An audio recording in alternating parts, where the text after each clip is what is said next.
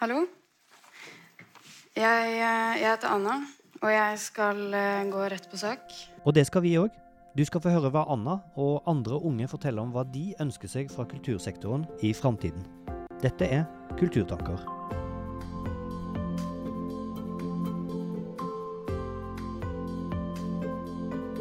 Hei, du, og takk for at du har funnet fram til oss og hører på denne podkasten, som altså heter Kulturtanker, og er en podkast som lages av oss i Kulturtanken. Kulturtanken er en statlig fagetat for kunst og kultur til barn og unge. Og I denne podkasten tar vi opp uh, ulike temaer som er relevante og viktige for kulturtilbudet til det aller viktigste publikummet. Og jeg som sitter her og forteller deg det, heter Torgeir Engen. Velkommen hit. Verden endret seg drastisk for oss alle den 12. mars i fjor. I kulturlivet så står vi fortsatt midt oppe i konsekvensene av pandemien. Hva skjer med kulturlivet i dette bildet? Kom vi noen gang tilbake til der vi var, eller er det et reelt paradigmeskifte vi står midt oppi? Hva gjør vi nå? Hva ønsker vi oss for tiden som ligger foran? Og ikke minst, hva ønsker de som er barn og unge seg? Han som snakka nå, var direktøren i Kulturtanken, Øystein Strand. Og det han ønska velkommen til, var en konferanse ved navn Veien videre, neste generasjons kulturpolitikk, som ble arrangert i november i fjor av oss i Kulturtanken, sammen med Ungdom og Fritid, Kulturskolerådet, UKM, Norsk Filminstitutt, Medietilsynet og Kulturrådet. Og Utgangspunktet for denne konferansen det er et arbeid som eh, Filminstituttet og Kulturrådet er i gang med der de forsøker å se litt inn i fremtiden på hva vi trenger og bør ha fokus på når kulturlivet skal på beina igjen etter pandemien. En sektor som jo virkelig har fått kjørt seg mens alle har vært hjemme. Og Fokuset for denne konferansen det var barn og unges behov i denne konteksten. Og siden eh, det er helt essensielt å lytte til barn og unge selv når vi skal skape fremtidens kulturpolitikk for dem, så tenkte vi å rekapitulere noen av innleggene på konferansen her og nå. Og vi begynner med Anna Malkenes Dordisdatter, som er 16 år og bor på Bøler i Oslo. Hun var invitert for å dele sine betraktninger om viktigheten av relevans og representasjon, et poeng som eh, Ungdommens ytringsfrihetsråd påpekte i sin rapport, som Anna var med på å lage. Hallo. Jeg, eh, jeg heter Anna, og jeg skal eh, gå rett på sak og begynne å fortelle dere om en ettermiddag i fjor høst. Da skal jeg på teater med min nye klasse på Foss videregående skole. Der jeg akkurat hadde starta i første klasse. Jeg gikk ut av døra hjemme, og jeg setter meg på sykkelen. Jeg triller ut på veien utenfor huset mitt, og der løper det to gutter forbi meg. De sprinter forbi, inn, innover mot skogen. De har hette på hodene som er snøret sammen for å skjule ansiktene deres. Jeg sykler videre nedover forbi butikken. Der står det fire politibiler. Det kommer politifolk løpende forbi meg og videre inn i skogen etter guttene. Jeg triller på sykkelen videre ned mot T-banen. På T-banen så sjekker jeg telefonen. VG skriver at det har vært et slagsmål på Bogerud. Gutt 16 har fått en øks i hodet. To mistenkte mindreårige gutter er pågrepet i skogkanten på Bøler. Jeg og den nye klassen min skal ned og se dramatiseringen av boka 'Tando lykkes vei' av Seshan Shakar på Det Norske Teatret. Stykket forteller om Mohammed og Jamal, om Oslo øst og integrering, om dop og omsorgssvikt om utenforskap. Om hvordan det er å få sitt første kyss på ungdomsklubben på Stovner. Stykket forteller om en virkelighet som er helt fjern fra oss som satt og så på. For de gutta som løp fra politiet den dagen, de satt ikke i salen. De så ikke Mohammed og Jamal på scenen. De så ikke at Jamal fortalte om hvor vanskelig han syntes skolen var. De så ikke Mohammed som fortalte hans møte med rasisme. I en teatersal så lærer man å leve seg inn i et annens liv. Du lærer å se deg selv i en annen. Kunst kaster deg inn i et annet menneskets opplevelse av verden. Vi øver oss på å forstå hverandre. Vi får noen å se opp til. Kunst er en øvelse i empati. Den som sa det best, var min lillebror når han så tegnefilmen om Hercules. Da pekte han på TV-en og så sa han, 'Jeg er han'. Han så seg selv i helten i filmen. Han levde seg inn i fortellingen om Hercules. En fortelling om det gode og onde, om vennskap og trofasthet, om svik og sorg. Når vi lærer dette, når vi lærer å se oss selv i en annen, så lærer man også noe om seg selv. Ved å forstå hvorfor et annet menneske tar de valgene det tar, kan du bedre forstå dine egne. Man får evnen til å se seg selv i en større sammenheng. Ved å se sin historie og se den flettet inn sammen med mange andre historier. Og se seg selv som en del av et fellesskap. Men hva skjer hvis man ikke har tilgangen til dette? Hva skjer hvis det å oppleve teater, kino og kunst blir begrenset til at bare noen har tilgang? Hvilke fortellinger blir ikke fortalt? Hvem faller utenfor, og hva skjer med dem? I fjor så satt jeg i Ungdommens ytringsfrihetsråd. I dette rådet Det var et prosjekt som var satt sammen uh, av Norsk Penn og Fritt Ord. Og Målet vårt i dette rådet var å peke på utfordringer som begrenser ungdom og unge, vokne, unge voksnes ytringsfrihet. Vi ferdigstilte en rapport som ser sånn ut. Og Den handler om ungdom og unge voksnes ytringsfrihet i Norge i dag. Den kom ut i april i år. I punkt 1.8 det har tittelen 'Manglende tilgang til kunst og kultur'.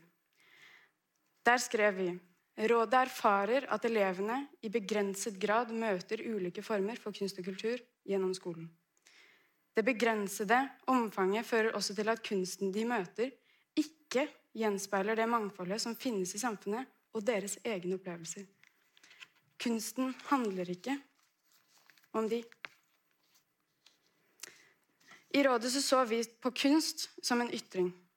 Vi så på kunst- og kulturfeltet som en ytringsplattform.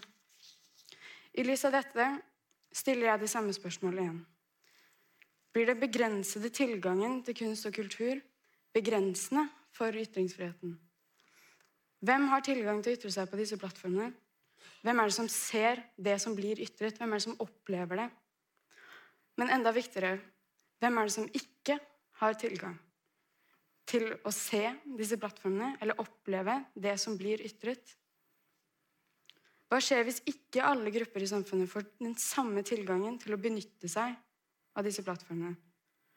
Hva skjer når ikke alle grupper i samfunnet har samme tilgang til det som blir ytret?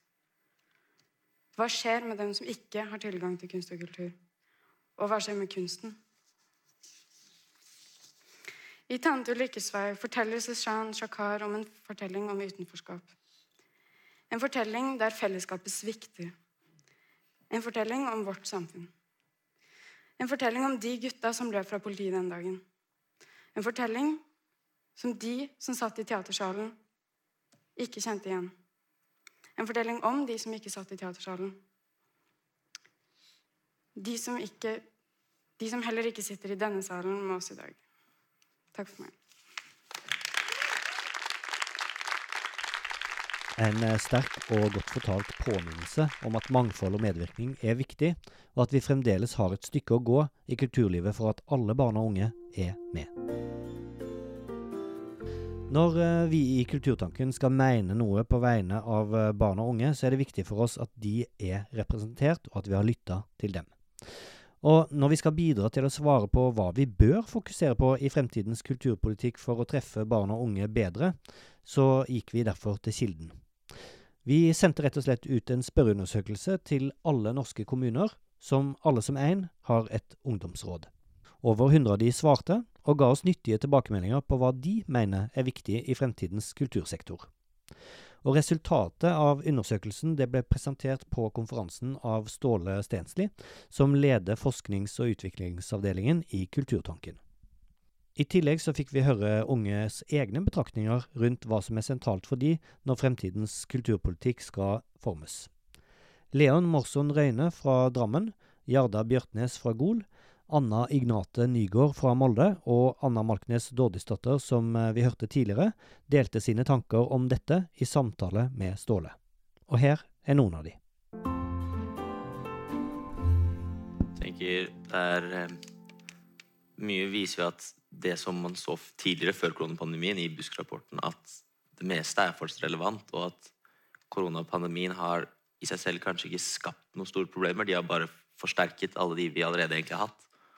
Og at det er derfor mye av de samme ideene som må brukes, men også at man da ser det mye tydeligere nå enn før, da, fordi det også har vært helt nedstengt, og at folk har hatt mer tid til å tenke over hva de faktisk har brukt og ikke.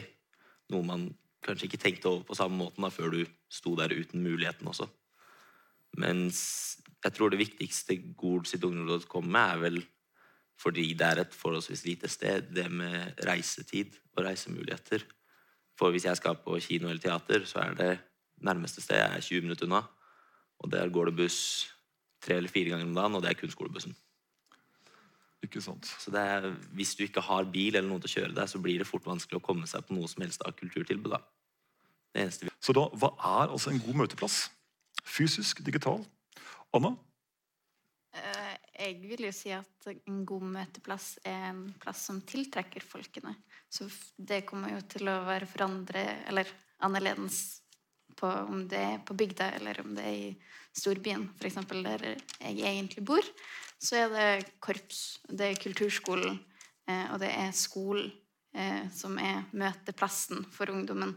Eh, fordi at hvis du skal finne på noe utafor, så du er nødt til å planlegge det en uke i forveien med tanke på buss. Da går det kanskje På lørdag går det to busser fram og tilbake, så du er nødt til å rekke Du må dra der klokken tolv, og så må du tilbake igjen klokken fire. Så da blir det skolen og da de organiserte stedene som blir møteplassen. I Drammen, Leon, skal du møte nye mennesker. Hva gjør du da? Går du fysisk ut? Er på internett? Hva, hva tenker du om det? Nei, da er det jo mest å bare gå ut med de vennene man har, og så møter man nye folk hele tiden. Eh, si for eksempel jeg skal spille basketball. Vi får jo folk som kommer på baskettrening eh, hele tida. Nye folk som eh, finner eh, interessen med basket via spill, musikk og eh, ja, snakk rundt, da. Så det er, jo, det er jo bare å fange øynene til ungdommen og si 'her er det det som skjer', liksom. Ja, Finne ut av hva som eh, de interesserer seg i. Gi ut flyers og sånn. Så det skjer fysisk Ja, ute blant andre. ja. Man sprer infoen eh, blant seg sjøl. Ikke på skolen. Det kan funke på skolen også. De flyersene kan, kan også komme ut på skolen. Det, læreren kan ta det foran klassen. Si at i helgen så er det jo Da er det LAN borte på nærmeste ungdomshus, ikke sant? Så ja. Så da er det fysiske et viktigere møterom for dere enn det virtuelle? Hva tenker du om det? Ja Det er jo det som er gøyest. For nå har vi akkurat hatt uh, koronakrisa, da. Som uh, Da har vi jo egentlig blitt nesten tvunget til å sitte inne og ja, møtes der. Ja. Så tilbake til det fysiske. Ja. Anna? Jeg har stor tro på det digitale. For jeg tror eh, på sånne små plasser ute på bygda og sånn, så er det veldig ofte at folk kan føle seg utafor, for det er såpass lite folk, så det er kanskje de ikke passer inn i fotballgjengen, eller de ikke passer inn i korpsgjengen eller musikkgjengen.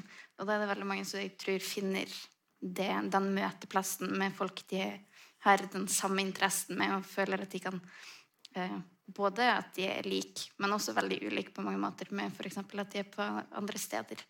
Eh, at det skjer over nett, eh, gjennom da f.eks. Discord, mm, gjennom spill, gjennom chatting eh, eller Instagram, at de liker bildene til hverandre. Eh, det finnes så masse forskjellige muligheter å koble en connection gjennom nettet, som kanskje ikke er mulighet fysisk. Vedar?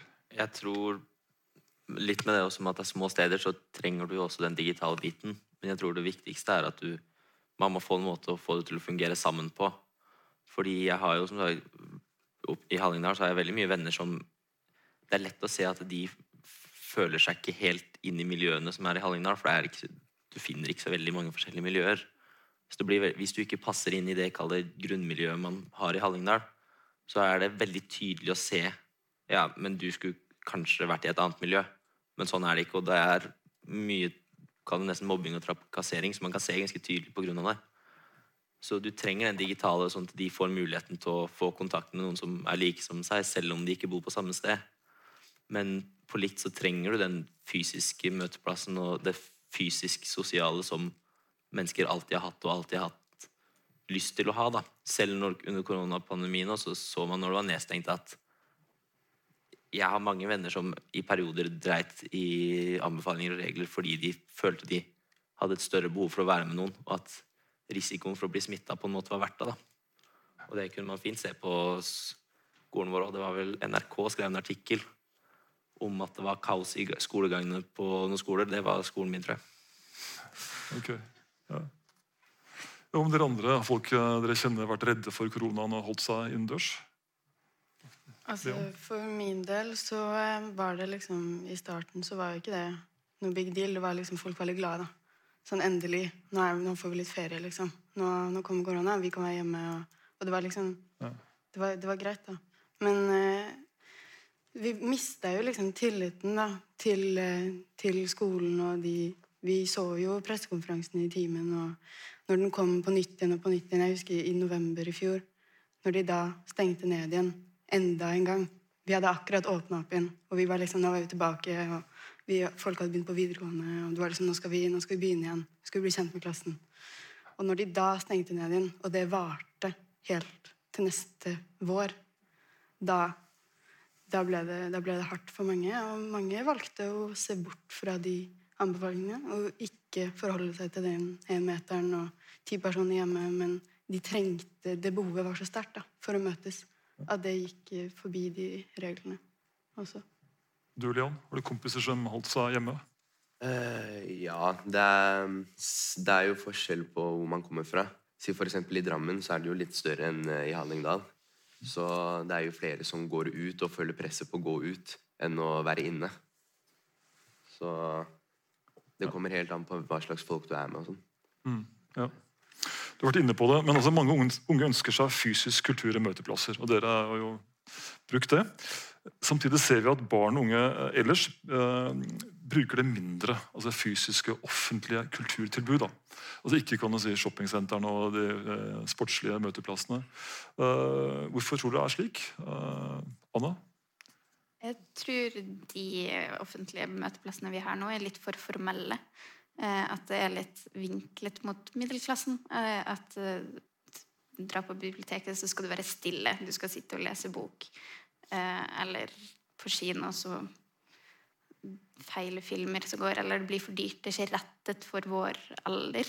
Som heller det hadde vært noe i det å eh, gjort det litt mer uformelt. At det er litt flere rom i et lokale. F.eks. et svært hus der du har studioer. Du har bøker du kan lese, selvfølgelig. Eller at du har rom der du kan ha LAN med venner, eller spille brettspill med venner. For det er ikke alle som har de lokalene hjemme. Det er ikke alle som kan invitere folk hjem. Men at du skaper et møtested der du kan samle flere ungdommer. Jeg vil jo tørre å påstå det nye biblioteket i Bjørvika.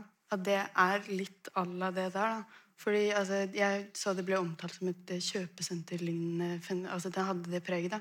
Og det er jo Altså, man kan komme dit. Det er bøker overalt, du har de tilgjengelig, men du kan fortsatt sitte og, og tulle med vennene dine eller ha en samtale og, snakke om andre ting. Late som du gjør lekser mens du egentlig bare er sosial. sant? Bruke det til de formålene Det du trenger, da, som er å være sosial med vennene dine, selv om det har er et bibliotek. At biblioteket blir for deg fordi det åpner nye dører. da. Bøker pluss, altså. Mer enn det. Gjerda først, og så Leon. Ja. Um, jeg, på en måte, Det Anna og Anna sier, er Det er jo veldig bra, men det må komme med som en pakke sammen med f.eks. til mindre steder transport. da. For det har jeg sett at mange tenker på at hvis du først skulle fått transportmuligheten da, i Hallingdal til å kunne komme seg til forskjellige kultursteder og gjort det flere ganger om dagen, og at det hadde passa og vært billig nok og brukbart, så hjelper det jo ikke det hvis det ikke er fristende å bruke kulturstedene. Og også motsatt, hvis du har et genialt kulturtilbud, så hjelper det lite hvis du ikke kommer deg til eller fra. Og da hvis det ene kommer før det andre, så vil det fort gå under før det andre får følge etter. da. For hvis du skal ha et godt transporttilbud, da, så vil det fort bli for dyrt hvis du ikke har noen som bruker det på likt. Og da må du ha kulturtilbudene. Og det er ofte det tror jeg som har vært problemet, for det har vært Noen ganger så kommer det et godt kulturtilbud i Hallingdal, men så brukes det ikke fordi ingen kommer seg til det. Og så blir det da lagt ned. Og så kommer det noen som har en smart løsning på transporten, men da er det ikke noe kulturtilbud. Da brukes ikke det, så nå må det legges ned igjen. Så det kommer en, en eller en ting, så det må være en bedre tanke bak det, og at det må komme sammen og på likt, da, og da nok informasjon for at det brukes. Jardar, Anna, Leon og Anna ønsker seg både fysisk og digitalt tilbud i fremtiden. Og tilgjengelighet er et nøkkelord for vårt panel enten det gjelder det digitale eller fysiske kulturtilbudet. Og også viktig at det tilrettelegges med god infrastruktur rundt spesielt de fysiske tilbudene. Det er kanskje lett for oss gamle gubber å glemme at det praktiske ved å skulle bruke et kulturtilbud må være på stell for at det skal være mulig for barn og unge å bruke dem. Vi kan jo bare hoppe i bilen. Det kan ikke barn og unge. Og et annet viktig poeng. Unge mennesker er heldigitale. Men resultatet fra denne undersøkelsen viser jo at de likevel vil ut og oppleve ting sammen. Men de vil at tilbudet de møter der ute, er tilpassa de bedre. Den eh, utfordringen må vi som sektor ta. Men eh, det ligger jo også store muligheter der. De vil ha noe fra oss. Vi må bare treffe dem bedre og gjøre det enklere for dem å bruke oss. Det siste som eh, vi har tatt med her fra konferansen Veien videre, er kultur- og likestillingsminister Anette Trettebergstuen sitt innlegg. Det er Kulturdepartementet som har gitt oppdraget til NFI og Kulturrådet om å se inn i fremtiden på hvordan vi skal gjenreise kulturlivet, og dermed er det hun som til syvende og sist eier forslagene som kommer inn det å løfte fram barn og uh, unges um, perspektiver i kulturpolitikken, det å snakke om neste generasjons kulturpolitikk, det er noe av det viktigste uh, jeg uh, gjør. Og Derfor er det veldig bra at dere arrangerer denne konferansen her i dag. Skal vi ha et levende og vitalt kulturtilbud i morgen, så er det helt avgjørende at vi ikke bare engasjerer og når ut, men lytter til barn og unge i dag. Som flere har sagt, så har jo kulturlivet, men også de som er barn og unge i dag, vært gjennom en utrolig tøff tid. Så kan jo vi håpe at vi er på vei ut av denne pandemien nå. Eh, vi er på vei ut, men, men den henger ved oss eh, videre. Men når vi etter hvert ser enden på pandemien, så skal jo ikke vi tilbake til det kulturlivet vi hadde før pandemien. Nei, det skal vi ikke. Vi skal tilbake til noe bedre, noe sterkere, til noe mer. Til en kultursektor og et kulturtilbud som treffer bedre, som engasjerer flere, og ikke minst flere barn og unge. Og den gjenoppbyggingskommisjonen da, som faktisk eh, Kristin og Kulturrådet og Filminstituttet er, når de jobber med å kartlegge og analysere pandemiens konsekvenser for kultursektoren, og ikke minst, og viktigst av alt, skal komme med forslag til hvordan vi skal styrke sektoren framover. Eh, så er det et ærefullt og viktig oppdrag som ligger der. Og det handler jo bare om det. At vi ikke skal tilbake til det som var, men at vi skal videre. Og vi skal tilbake til noe bedre. Veldig mange har vært og er involvert i det arbeidet. Og nå så løfter vi fram barn og unges stemmer og perspektiver inn i det viktige arbeidet. Uten barn og unges eh, engasjement og deltakelse, uten god innsikt i deres opplevelser, eh, drømmer og ønsker, så, så går vi jo glipp av eh, det som må til for å skape en inkluderende og relevant kulturpolitikk for kommende generasjoner. Og jeg gleder meg til å lytte, og jeg gleder meg til å høre deres perspektiver og erfaringer, krav og ønsker til oss gubber. Det er jo sånn at uh, oppveksten og det sosiale livet til, uh, til, barn og unge blir stadig mer digitalt. Og mye av det som før var fysisk og sosialt, har flytta seg over til digitale plattformer. Det har jo åpna en hel verden av muligheter som eh, barn og unge tar del i på ulike måter. De utforsker, de opplever, de leker, skaper og kommuniserer med hverandre på nett.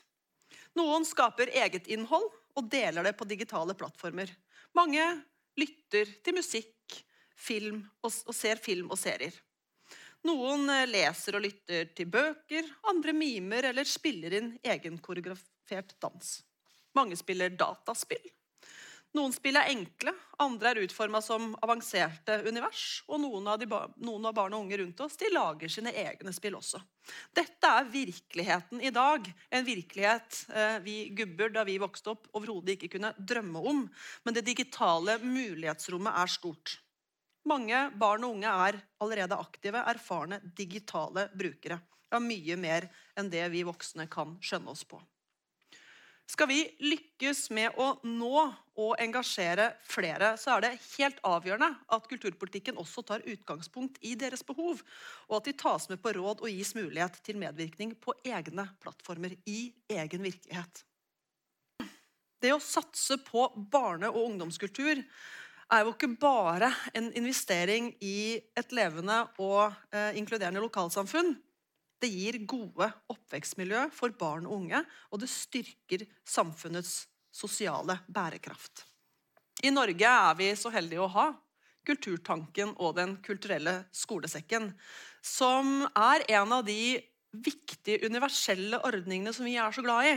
Fordi det er noe demokratisk over slike ordninger. Det gir alle unga våre en smakebit på kunst og kultur av høy kvalitet. Fordi vi treffer alle der alle møtes i det fellesskapet som skolen er.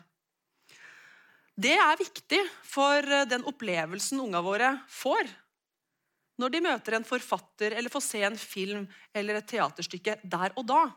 Men det er viktigere enn som så. Det er viktig på strukturelt nivå. Det er demokrati. Det gir alle et felles språk, en felles referanseramme, en felles idé om hva kunsten og kulturen er og kan tilby. Så må jo alle sjøl få velge om de liker eller ikke liker de ulike kunstuttrykkene, og om det gir mersmak om man blir en kulturbruker senere.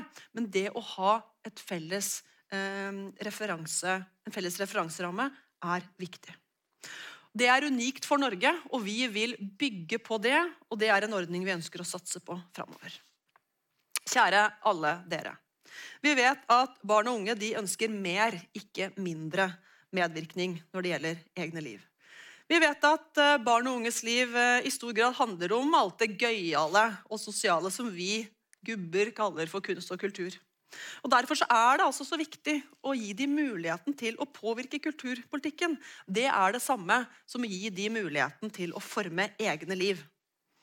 Barne- og ungdomskulturen fortjener langsiktighet og forutsigbarhet. Og jeg er glad for at vi eh, i departementet sammen med Kulturtanken eh, bl.a. har fått på plass en egen tilskuddsordning for å styrke barn- og ungdomskulturens plass og posisjon i det kommunale planverket. Kommunalt planverk høres så kjedelig ut for alle de yngre som hører på, men det er ekstremt viktig. Det vil jeg bare si. Og Logikken er jo veldig enkel. Jo tidligere barn og unges tanker om kunst og kultur inkluderes i kommunenes planer, desto enklere blir det å sikre det lokale kulturtilbudet gode kår, og med det gode opplevelser og lokalsamfunn for barn og unge. Kjære venner, jeg håper at konferansen i dag og styrkingsoppdraget som Kulturrådet og Filminstituttet jobber med nå, vil gi gode innspill til hvordan vi kan styrke et mer åpent, mer mangfoldig og mer inkluderende kulturtilbud som når og engasjerer flere barn og unge. Og Uansett hvor veien går videre, helt konkret i form av resultater og forslag, så er det én ting som er helt sikkert. Den sektoren må og skal bygges videre sammen med barn og unge.